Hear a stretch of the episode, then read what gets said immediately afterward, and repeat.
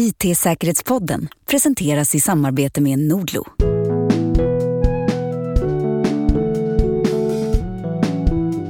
Välkommen till IT-säkerhetspoddens tredje avsnitt och sista om etik och moral. Vi har tidigare pratat om dygd och konsekvensetik. Idag är det dags att prata om grenen pliktetik. Ja, just precis. Och plikt kan beskrivas som ett åtagande. Så det om åtaganden etiker står inför är alltså det som är rätt moraliskt. Men hur kan vi väva in det här i ett modernt digitalt samhälle och då i synnerhet inom området IT-säkerhet? Ja du, det är ju just därför vi sitter här. Jag heter Mattias Jadesköld och du heter ju Erik Salitis. Det här är 183 avsnitt av IT-säkerhetspodden. Yes, kalenderbitarna har fått sitt. Du brukar inte gilla när man säger vilket, vilken siffra det är där, men jag vill ändå slänga med det lite sådär. Ja, ja jag förstår. Ja, hör du, mm. så vi, vi, vi är nästan i slutfasen här av det där med etik och internet. Det är en ganska vild idé, eller hur? Ja, det är det lite, absolut. Ehm, nu ska vi se här då, då. Läget? Läget är bra. Jag sitter här i min lägenhet och har låst in mig för städarna håller på och städar. Uh, det är för att jag ska flytta rätt snart. Ja, just det. Trevligt. Mycket trevligt. Ja, verkligen. Och kaffet finns ju här också, så det finns ju alltid hopp om livet. Hur är det själv? Jo, men det är... Jag har ju åkt på en liten höstsnuva. Eh, så... det var det vi säger. Ja, precis. Den här eh, gamla klassiska eh, Old Rona igen. Ja, ja, ja, precis. Det enda corona jag accepterar är ölen och den är inte särskilt god. Nej, så att jag i alla fall eh, också eh, bara liksom låst in mig i, i rummet här. Men så vi kör via, vi, via över internet. Vi pratar över, ja, ja. över TSPP. Men jag vill bara säga en sak. Jag ser dig framför mig med en hagelbössa, svettiga händer och så här, kommer coronan, kommer coronan, dörren skakar. ja, exakt. Ja, det är väl lite åt det hållet då. Men i alla fall du, eh, pliktetik ska vi prata om nu då. Vad är det för någonting då, lite snabbt? Vi har ju pratat om dygdetiken som har att göra med det som känns rätt och det som alla andra skulle göra. Jag ska göra som folk gör. Det, då är man dygdig. Man följer någon form av grupp. Konsekvensetiken, ja då tittar du på vad blir effekten av det här? Om folk blir skadade eller någonting, då är det ingen bra idé. Men om folk får nytta av det, då är allt bra. Så pliktetiken då? Ja, det handlar om vad du måste göra enligt någon form av ramverk. Okej. Okay. Gillar du pliktetiken? Jag har stora problem med alla de här etikerna om man bara följer dem. Dygdetikern kan göra en massa dumma saker och värdegrund signalera utan att förstå problemen de försöker lösa. Konsekvensetikern har ett problem med att han hela tiden måste bli, jag måste spela Gud som jag sa i förra avsnittet eftersom ja. han, du vet, ja, jämt håller på. Och pliktetikern ska vi prata om vad han har för problem om han bara kör pliktetik. Så svaret är, vi behöver alla. Just det. Men hur mycket pliktetiker har du i dig? Ganska mycket, men jag säger att det är en prioritet. Jag skulle säga att jag är i första hand värdegrundsetiker, i andra hand konsekvensetiker och i tredje hand pliktetiker. Mm. Men tillräckligt mycket för att, jag menar vi, vi är lite pliktetiker eftersom vi följer Svea rikes lag. Just det, och det precis. är ju faktiskt en, det, det är ju en, det är en plikt. Ja, men det finns ju liksom andra eh, regler att förhålla sig till än bara lagboken. Så det ska vi landa lite Om ni inte har förstått det så är det här vår lilla miniserie då, där vi går igenom de här olika etiska formerna. Och liksom, vi, vad vi vill, syftet med det här är att, är att vi vill belysa lite komplexiteten att vara etisk på internet helt enkelt och alla typer av moraliska frågor man står inför. Eller hur? Och det problemet har man ju jämt egentligen. Uh, därför att internet påverkar dig och du påverkar internet. Så varför bli filosofisk om det? Ja, huvudsakligen för att det är kul. Exakt. Du, eh, ja. om inte du minns eh, så brukar vi köra lite scenario. Så här, att jag slänger upp ett scenario, ett påstående och så får du låtsas vara en pliktig etiker och beskriva hur den personen skulle reagera på det.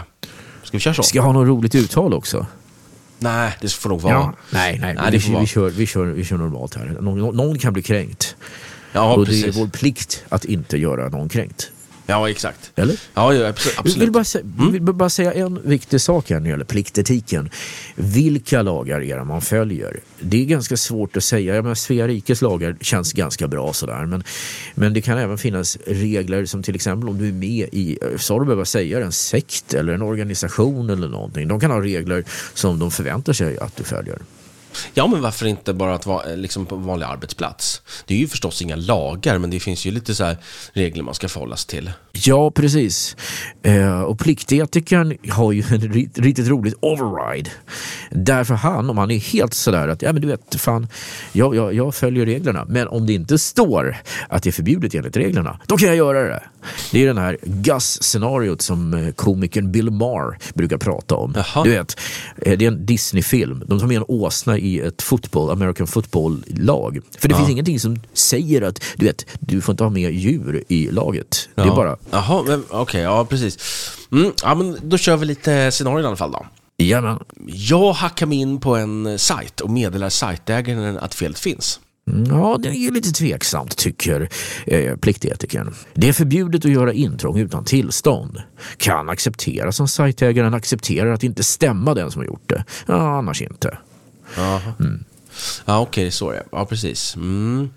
Och då vill jag också påminna att dygdetikern sa ju i princip att jättebra. Konsekvensetikern sa ja, ja, det är jättebra. Så pliktetikern är helt på en annan nivå här. Mm, just det. Ja, vi tar ett nytt scenario då. Jag piratkopierar spel eftersom jag inte har råd att köpa dem. Sen skickar jag dem till mina kompisar som jag inte tror, som inte heller har råd att köpa dem helt enkelt. Alltså nu kommer jag börja och låta som en upphakad skiva. Olagligt, inga undantag. Ja, och den här är ju ganska tydlig, liksom, för här, här är det ju verkligen emot mot lagboken. Liksom. Det, det är att i princip skäl man ska säga. Så att här blir det väldigt tydligt. Men som jag också måste meddela då, det är ju det att pliktetikern känner plikt kanske inför en kyrka, kanske inför Svea rikes lag eller en annan na- nations lag. Eh, och det innebär att en pliktetiker inte är nödvändigtvis laglig och en laglig pliktetiker är nödvändigtvis inte god. Tänk dig skillnaden att vara laglydig i Tyskland 1934 eller i Sverige 2022. Det är väldigt olika saker egentligen. Mm, just det. Mm. Så en pliktetiker behöver inte vara god. Ja, precis. Just det. Ehm, jag hittade en svaghet i systemet som jag testade utan att ha tillstånd. Meddelade givetvis sajtägaren, men jag känner att, är att de slutar med en del verksamhet som jag inte gillar att de gör. Annars eh, får de inte veta. Nej, nej, jag förstår precis. Och svaret är olagligt, inga undantag. Där, därför att, eh, ja, det är olagligt. Den- Den etiska delen av den ur dygde eller konsekvensetik är inte ens inne här. Det är som att du nyper så fort du konstaterar nej, det här är inte tillåtet. Men, men kan, inte någon, kan inte någon som är väldigt plikttrogen då, eller man ska kalla sig en pliktetiker, säga liksom så här, om, om vi säger att sajten är en webbsida till exempel, där många besöker, så ser man så här, men ni har ju uppenbara säkerhetsproblem. Det är min plikt att liksom belysa det, och då blir man liksom arg på dem, att de, de följer ju inte eh, praxis till exempel. Nej, det kan man ju säga, men, men pliktetikern ser nog plikten... Om pliktetikern har en, en plikt från någon form av grupp som säger hacka allting. Ja, till exempel han är med i Anonymous. Då har han ju plikt, då, då är ju plikten bunden till Anonymous, inte till något eh, stort lagramverk i det land där de bor. Och då kan han naturligtvis göra så. Just det. Men, men frågan är om, om, om en pliktetiker skulle överhuvudtaget ta steget in till Anonymous. För, de har, för innan de var med i Anonymous hade de förhållit sig till lagboken. Kanske, det är svårt att säga. Kanske kan tillräckligt mycket besvikelse och det faktum att ingen är ju strikt pliktetiker eller strikt dygdetiker eller strikt konsekvensetiker. Ja, just det. Har du spelat rollspel någon gång? Ja, naturligtvis. Det var ju mycket Ja. um, MUTANT, Drakar, Demoner och så körde vi ett västern som hade extremt komplicerade regler så vi tog MUTANT-regelverket och tryckte in i västern. Då. Men det var nästan roligast västern-spelet, liksom. det finns ju mycket grejer där. Ja, eller hur? Eh, känner du till det som kallas för alignment? Alltså vad du har för... Vad, hur, hur god och ond du är? Nej. Okej, Det- jag vet inte exakt vem som tog fram det men det brukar användas. Då talar man om att man kan vara lawful Uh, och man kan vara good, och man kan vara evil och man kan vara neutral. Och så finns en matris. Och the lawful good, det är alltså den som följer lagen och gör det bara för att han säger jag är en god människa. Det är en väldigt klassisk pliktetiker. Han följer lagen och han ser till att hjälpa till men lagen går före allt. Sen finns det någonting som heter lawful evil. Det är en person som också följer lagen och, men han gör onda ting. Och jag skulle säga att de är samma person. Därför du blir ond om du följer lagar som till exempel i Nazityskland. Men du är inte ond om du följer Sveriges lagar. Just det. Mm. Så en liten utvikning där. Ja, det är lite intressant. Ja, ja, eh, ja precis. Det belyser ju verkligen den här komplexiteten då, som vi var inne på. Eh, jag provar en annan då med dig. Jamen. Jag är del av ett kollektiv som använder DDoS-attacker för att ta ner intoleranta sajter. Maffians kommunikationer till exempel, eller helt enkelt saker som kollektivet finner omänskligt. Okej, okay, då går pickuppen ner på skivan igen. Olagligt, inga undantag. Jaha. Ingenting att säga. Var det kul eller? Ja, precis. Ingenting att säga om, om det liksom. Jag tänker just att det här med, med, kollektivet kanske är så att, man, att de har just eh, plikter inom ett kollektiv då. Ja, jo, då kan det vara, då kan det vara så. Men då, det är därför de här lagen är väldigt svåra. Jag menar, man läser gamla stoiker som Epictetus och sånt så eh, har de ju gått ner på en väldigt låg nivå. Liksom. Det är vad du ska göra. Och det stora ramverket för stoicismen det handlar ju om att eh, du ska ha, vara vis nog att veta vad du kan och inte kan ändra på och agera. Temperance, alltså det är återhållsamhet, att du inte ska göra för mycket. Och du har även eh, två till då, som är justice och courage. Jag kan dem på engelska av någon anledning. Och det är, helt enkelt, det är helt enkelt hur du beter dig som en god människa. Men du har en massa plikter i de där böckerna också. Du har en plikt att inte vara ett problem för andra till exempel. Så pliktetiken behöver inte nödvändigtvis hämta från en lagbok, även om det är liksom den yttre gränsen. För är du, bor du i ett land så har du ett samhällskontrakt just som det. du är med i. Mm, just det. Men det måste ju vara lite upp till personen då, vad man tycker är vad man lägger liksom sin största plikt emot då. Ja, lite grann blir det så. Och samma sätt ser jag med alla de här grejerna. Som jag sa så var jag i första hand dygdetiker och i andra hand och så vidare. Så, vidare. så visst är det så. Eh, jag försöker bara påpeka att den som är pliktmänniska gör inte nödvändigtvis alltid rätt. Nej. Vi provar lite mer då. Jag hackar allt för pengar och ger de som betalar det de vill ha. Vi får byta nålen på pickuppen för den börjar bli lite utsliten. Olagligt, inga undantag. Nej, precis. Och det här är väl ganska tydligt då. Här är ju typiskt black hat liksom. Så att det här är väl ingenting som en ja. pliktetiker skulle gilla. Ja, när jag skrev de där så tänkte jag lite grann att vi ska göra något som är uppenbara och det där var en ganska uppenbar, tycker jag ändå. Men nu tar vi den här då. Jag meddelar sajtägarna om ett säkerhetshål de har, men de struntar i det. Och då utnyttjar jag felet och bytte ut deras första sida mot en som förklarade att de är ett gäng idioter. Alright, drop the needle. Olagligt, inga undantag.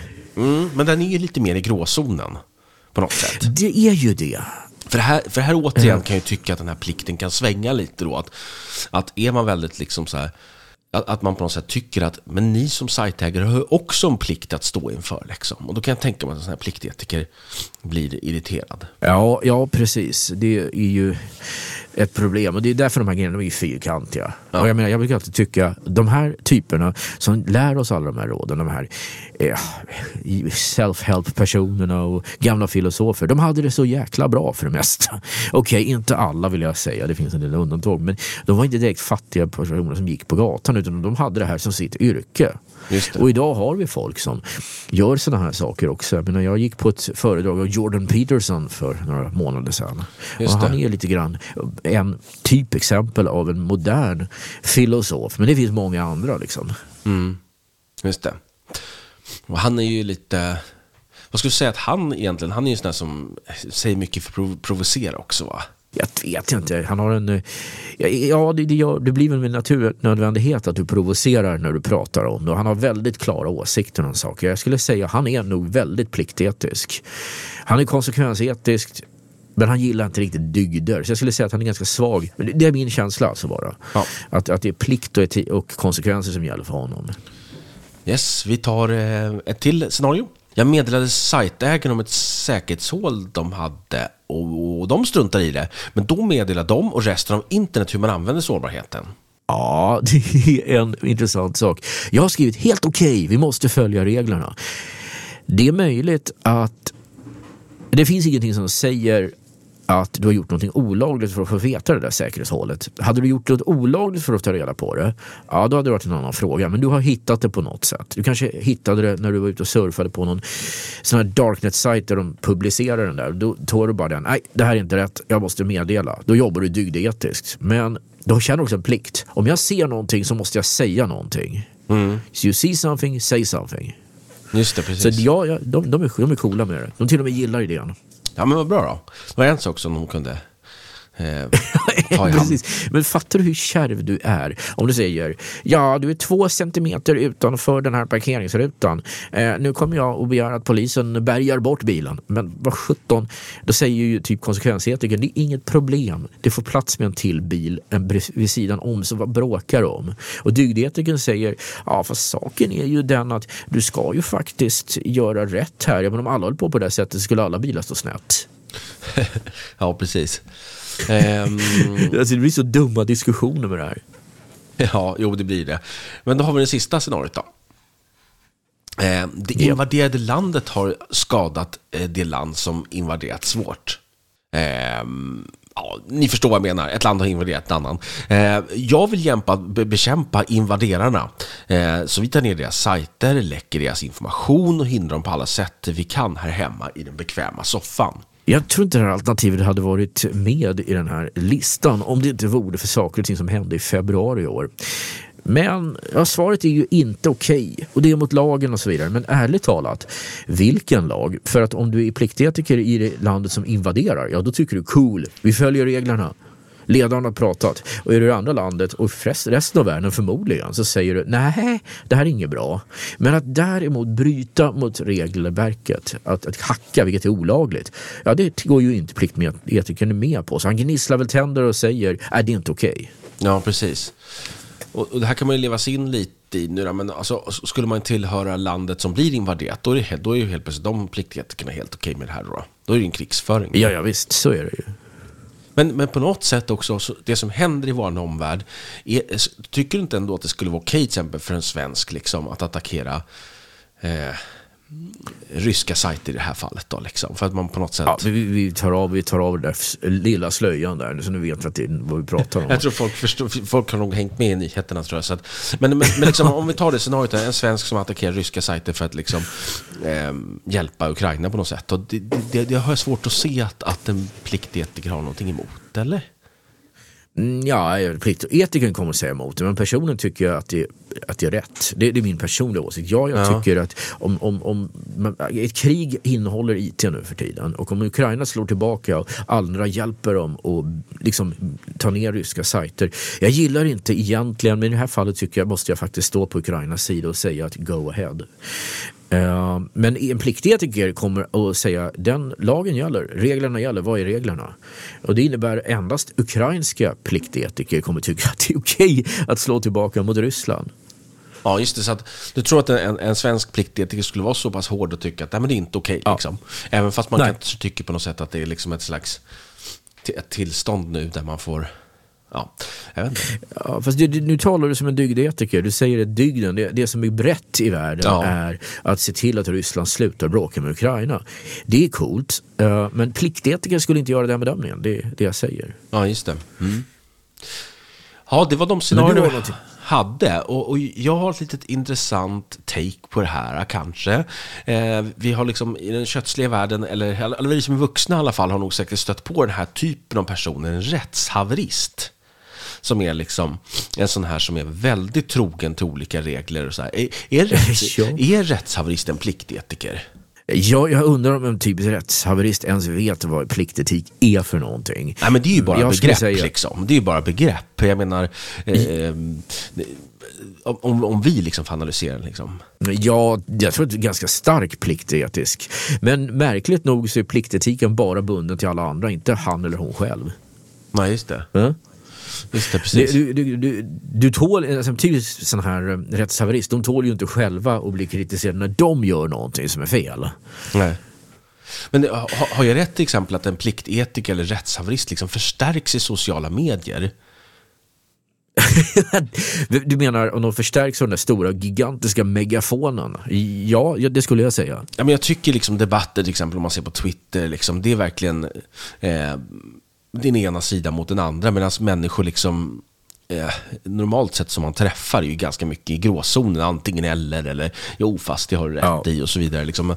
Medan liksom, det är stenhårt i ena sidan liksom, eller andra sidan. Och... Ja.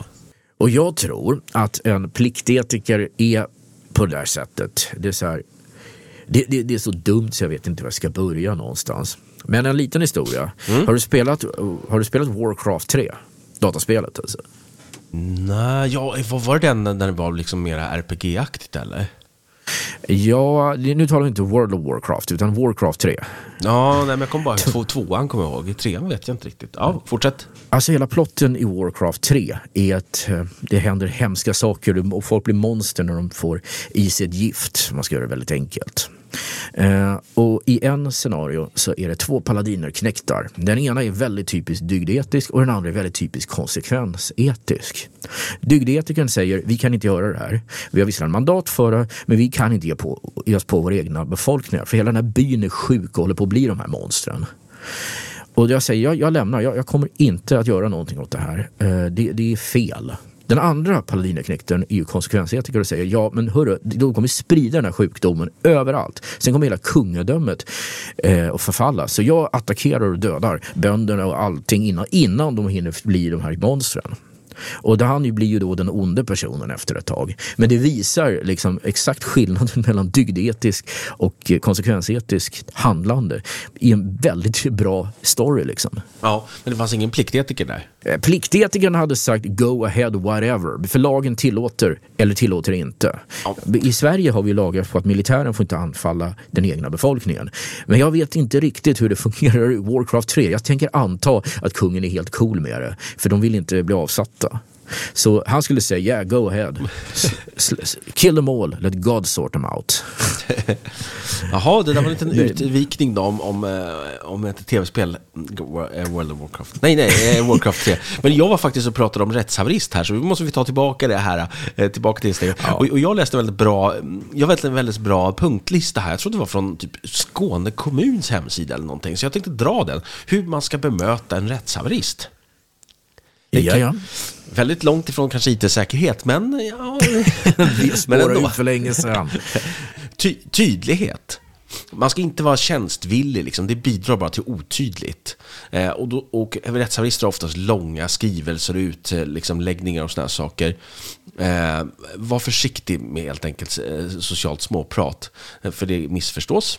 Man ska vara tydlig mot en sån. Och där kan man också påpeka att är det Twitter det handlar om så kan man alltid ha den effekten att man inte svarar alls. Nej, precis. Eh, om det inte är så att du, är, du står för en myndighet eller någonting som måste svara. Ja, precis. Lågaffektivt bemötande. Att man ska behålla lugnet, trots att det är ett aggressivt angrepp. Ja, och det är väl ganska uppenbart. Om du, om du, du vet ju hur de här fantastiska Flame Warsen startar. Flame Wars är för övrigt ett uttryck från gamla Usenet innan internet var en grej. Och det var så här, ja, man pratade om flame bait, alltså någonting någon skrek som skulle göra folk förbannade. Gärna någonting rasistiskt eller allmänt dumt. Uh, och, sen, och de som gjorde ett lågaffektivt bemötande kunde kyla ner det hela. För att trollet som det handlade om, för det blir ju troll på internet, många av de här rättshaveristerna, ja. ja. de fick gå någon annanstans. Det där ser man ganska tydligt på så officiella sidor. Det är någon som säljer någonting och så kan det vara så här, åh, eran produkt suger liksom, ra, ra, ra.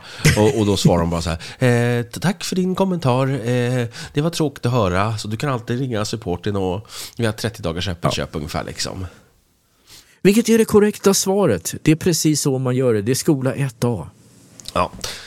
Eh, bra. Den här punkten då. Håll löften och dokumentera. Rättshaverister är nitiska och brutna löften kan späda på det, alltså att de blir ännu mer aggressiva helt enkelt. Och de här rättshaveristerna, de anser att man har ingått ett deal med dem. De anser att man har eh, svikit dem. Man, och, och de bygger det väldigt mycket på det. Så att det, det liksom förväntar det nästan att de gör så. Ja, och eh, eh, vi har ju spelat in det här avsnittet förut ju. Men det, eh, ja. de, de försvann, de eh, banden. Ja. The missing tapes. Som Nixon. Ja, precis. Ja. Eh, och eh, då, tänk, då tänkte jag så här på en arbetsplats, tänkte jag, men vad fasken, försök, jag tyckte det var en dum punkt, försök bara undvika den här personen. Liksom. Du ska inte sitta och dokumentera någonting, eller, eller du ska inte ens vara i den situationen där du ska behöva stå och hålla löften mot, mot någon sån här men man kan ju komma eh, i kontakt med en där man måste ha det, till exempel om man köper någon, något hus av, av en rättshaverist eller köper en båt eller vad tusan vad som helst. Liksom. Eh, och då måste man ju fullfölja hela dialogen helt enkelt. Ja, där är det ju så. Men i andra fall så är det viktigaste när det gäller den här typen av eh, personer är lyssna inte på dem mer än du absolut måste. Där, därför att de är ofta ute efter att få rätt i sak och när de känner att ja, nu har jag fått rätt i det. Ett tips från en ljudtekniker eh, som skrev en PA-bok som jag läste för många år sedan. Ja. Du har ju reglar på ett mixerbord, det är de här grejerna du vrider upp, så att säga, upp och ner för att till exempel ge mer ljud åt trumpeter eller rösten eller trummorna. Ja. Och det kommer alltid upp någon rättshaverist och säger ja, eh, så där ska det inte låta. Du ger alldeles för mycket rum för trummorna. Så jag vill, jag vill att du, du sänker trummorna. Då säger ljudteknikern ja, visst och sen tar han en regel som inte går någonstans, som inte gör någonting och drar den försiktigt neråt. Varvid placeboeffekten dyker upp och, och han säger ja, nej men nu låter det bra. Och så går de sin väg. ja, ja, det är ju smart. Bra tips. Lura en rättshaverist helt enkelt. Den här punkten då. Låt rättshaveristen få sista ordet. Haverister har ofta starkt behov av att avsluta med någonting kritiskt. Men om det är kränkande kommentarer eller något sånt där så ska man polisanmäla det. För det kommer ju göra mycket skillnad. Ofta känns det som polisanmälning bara handlar om att se till att det är känt i, lag, i lagstiftarkretsar vad som händer. Det kan ju naturligtvis inte bli någon verksamhet av. Det är inte väldigt, väldigt eh, elaborerade planer på att döda någon eller något sånt där. Nej, men um, ja att man ska låta den få sista ordet. Där kliar det lite i fingrarna, man blir irriterad på sådana här personer ändå. ja, ja. ja du, det finns en del saker att säga där, men det, jag tror att det är väldigt bra. Och folk, du, jag har märkt det, när folk är arga och fått rya av sig, då blir de så jävla glada. Det är som de får en jävla kick av, jag vet inte vad, någon, någon kemisk substans i hjärnan bara sprutar ut glädje över dem.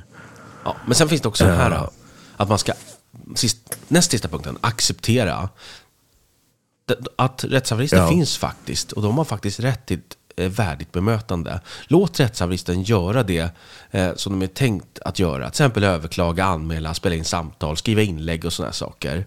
Men ge lagen det rätt att säga nej. Och det verkar vettigt, säg nej.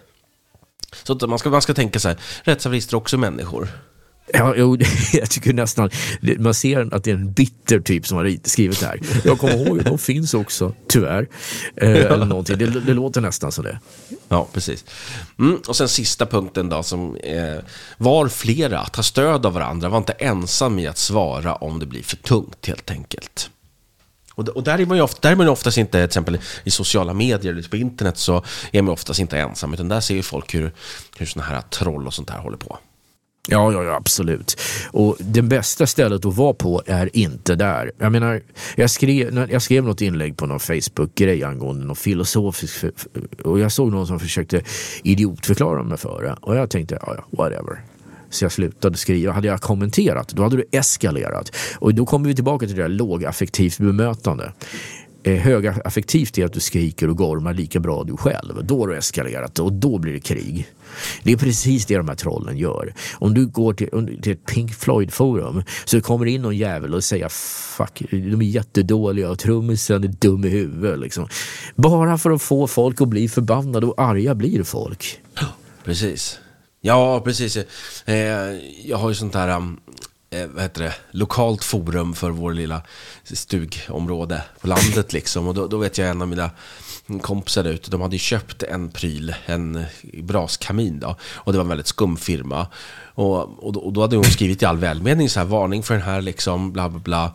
Och att de hade förlorat handpenningen. Och då var det någon tant där som genast började, vem fan betalar handpenning liksom? Men varför ska man spä på sådana saker? Så här. Ska bara försöka visa sig duktig. Jag ser ett sår här. Vänta, låt mig hämta en kasse salt. Ja, exakt. Saltburk. Så. Ja, nej, men jag tror hon blev bannad från det där efter det där faktiskt. Okej, okay, lite avslutande då. Vi, vi, har hunnit med mycket här fram och tillbaka. Eh, så vad kan man säga egentligen om den här strikt pliktetiker? Klarar de sig bra på internet och då i sociala medier? Ja, det gör de och det gör ingen annan. Nej, jag, jag skämtar, men ja. alltså, de här pliktetikerna kan bli väldigt, väldigt mycket irriterande. Det fanns i, i körskoleboken uh, som jag läste att den första fasen så vet man ingenting. I den andra fasen så kan man alla regler och då blir man en sån där viktig petter, pliktetiker, whatever you want to say, som, som står där bara, du, du, du, får, du kör du för fort, nej, nej, nej, där får du inte parkera. Och sen i tredje fasen när man har nått, nått någon form av bilkörar sen, då är man ett med vägen och och förlåter dumheter. Så egentligen säger den att du börjar som pliktetiker och slutar som dygdetiker. Men det är ju sjukt egentligen. Eh, vi kommer ju oftast in på det att pliktetiker eller rättshaverist och sådär, de är ju extremt jobbiga för de som för dem runt omkring en sån. Men undrar om de upplever livet själva liksom. Undrar om det är väldigt skönt på något sätt att bara se det här är reglerna, så här ska det vara liksom. Eller jag förstår inte, det måste vara, man måste komma i konflikt hela tiden. Ja, alltså det är skillnad på de som kan vara väldigt fyrkantiga därför att ja, reglerna ska eh, verkligen vara över allting annat. De kräver en trygghet. Men om vi tittar på troll på internet så verkar de komma i två olika former. Den som är känslokall och tycker hej vad roligt det här är. Ja, det är så kul att se folk gråta och skrika och bråka med varandra. Eh, här kommer en bensindunk till på den brasan. Och den andra typen verkar vara, de mår dåligt och tar ut bitterhet, sorg och en känsla av att de är svikna över andra. Liksom. Nu vill jag säga att jag är inte psykolog, så jag ska inte sitta här och berätta sådana saker, men det är min tolkning av det. Ja, precis. Och, Um, ja, det, precis. Det, det, vi är inte psykologer helt enkelt. Det är ju IT-säkerhetspodden här. Så att vi får väl... Vi, som vanligt kommer vi lite långt ifrån ämnena här. Men du, jag tänkte på en sak. Ja. Nu när vi har lärt oss lite mer om, om pliktetiker och sådana här saker, då vill jag ställa om samma fråga som jag ställde i början. Eh, vad, vad är, är, är, är, hur, hur pass mycket pliktetiker är du egentligen? Ja, jag skulle, som jag sa i början så är jag i första hand dygde, sen andra hand konsekvens, i tredje hand pliktetiker. Och jag tycker jag kan inte säga procent för att alla händelser som händer, i min, nu talar jag om mig själv, då, då tycker jag så här, shit, har jag gjort något irriterad? Har jag gjort något som stör någon annan? Det är ju en dygdetisk fråga. Just det. Att, att, har jag agerat på ett sätt som är olämpligt? Den andra frågan är, okej, okay, ska jag göra det här? Eh, att det kan få dåliga effekter. Jag kanske ska låta bli tills jag har forskat lite mer om hur det här funkar innan jag gör. Det är ju den konsekvensetiska delen. Och när det gäller plikten så är det så här, ja, alltså dörren är öppen och jag behöver komma in men jag ska anmäla mig innan jag kommer in. Jag kan inte bara gå in bara för att det går. Det, reglerna säger emot det. Just det. Och jag tror också att väldigt många människor de är dygdetiska för att de flyr från klander. Min morsa har alltid sagt att det finns de som klandrar och det finns de som blir klandrade. Det är den enda typen av folk som finns. Och en klandrare säger att så här får du inte göra medan den som flyr klander eh, alltid kommer att liksom, ah, jag måste tänka mig för så att jag inte gör något som någon blir förbannad. Ja, just det, precis. Men, men trollen, de klandrar av många skäl. Det är det som jag sa. Ja, precis. Jaha. Och hur är det med dig då? Vad, vad, är du då? Ja, jag sitter och tänker på det också. Eh, jag tror jag är... Jag sitter och tänker på framförallt i arbetsplatsen och sådär. Och jag är nog väldigt mycket konsekvens. Jag vill göra bra saker. Eller om det är dygd också. Att jag, jag vet att jag vill göra bra saker för exempel den här kunden. Eller jag vet att det här kan bli bra för den här, den här um, nya te tekniska lösningen och sådana saker. Att, att uh, jag ser liksom målet framför mig. Ett, ja, något sånt där liksom. Det drivs jag av på något sätt. Ja. Och då, och, då, och, då är, och då är verkligen inte sådana saker som, som regler speciellt viktigt. Jag visste ju, jag går inte liksom emot alla hit och dit så, men alltså egentligen så här, om man vill få igenom någonting så kanske ja, då är det liksom roligare att komma igång med saker och driva framåt än att liksom följa massa protokoll lite, lite eller något sånt där. Om jag ska hårdra det lite så. Ja, precis. Men det var, men det, var det vi hade för idag då. Jajamän, och sen blir det ömsom intervjuer, ömsom intressant snack. Så IT-säkerhetspodden finns där poddar finns. Men det vet du ju redan, för du lyssnar på oss. Ja, exakt. Tack så mycket.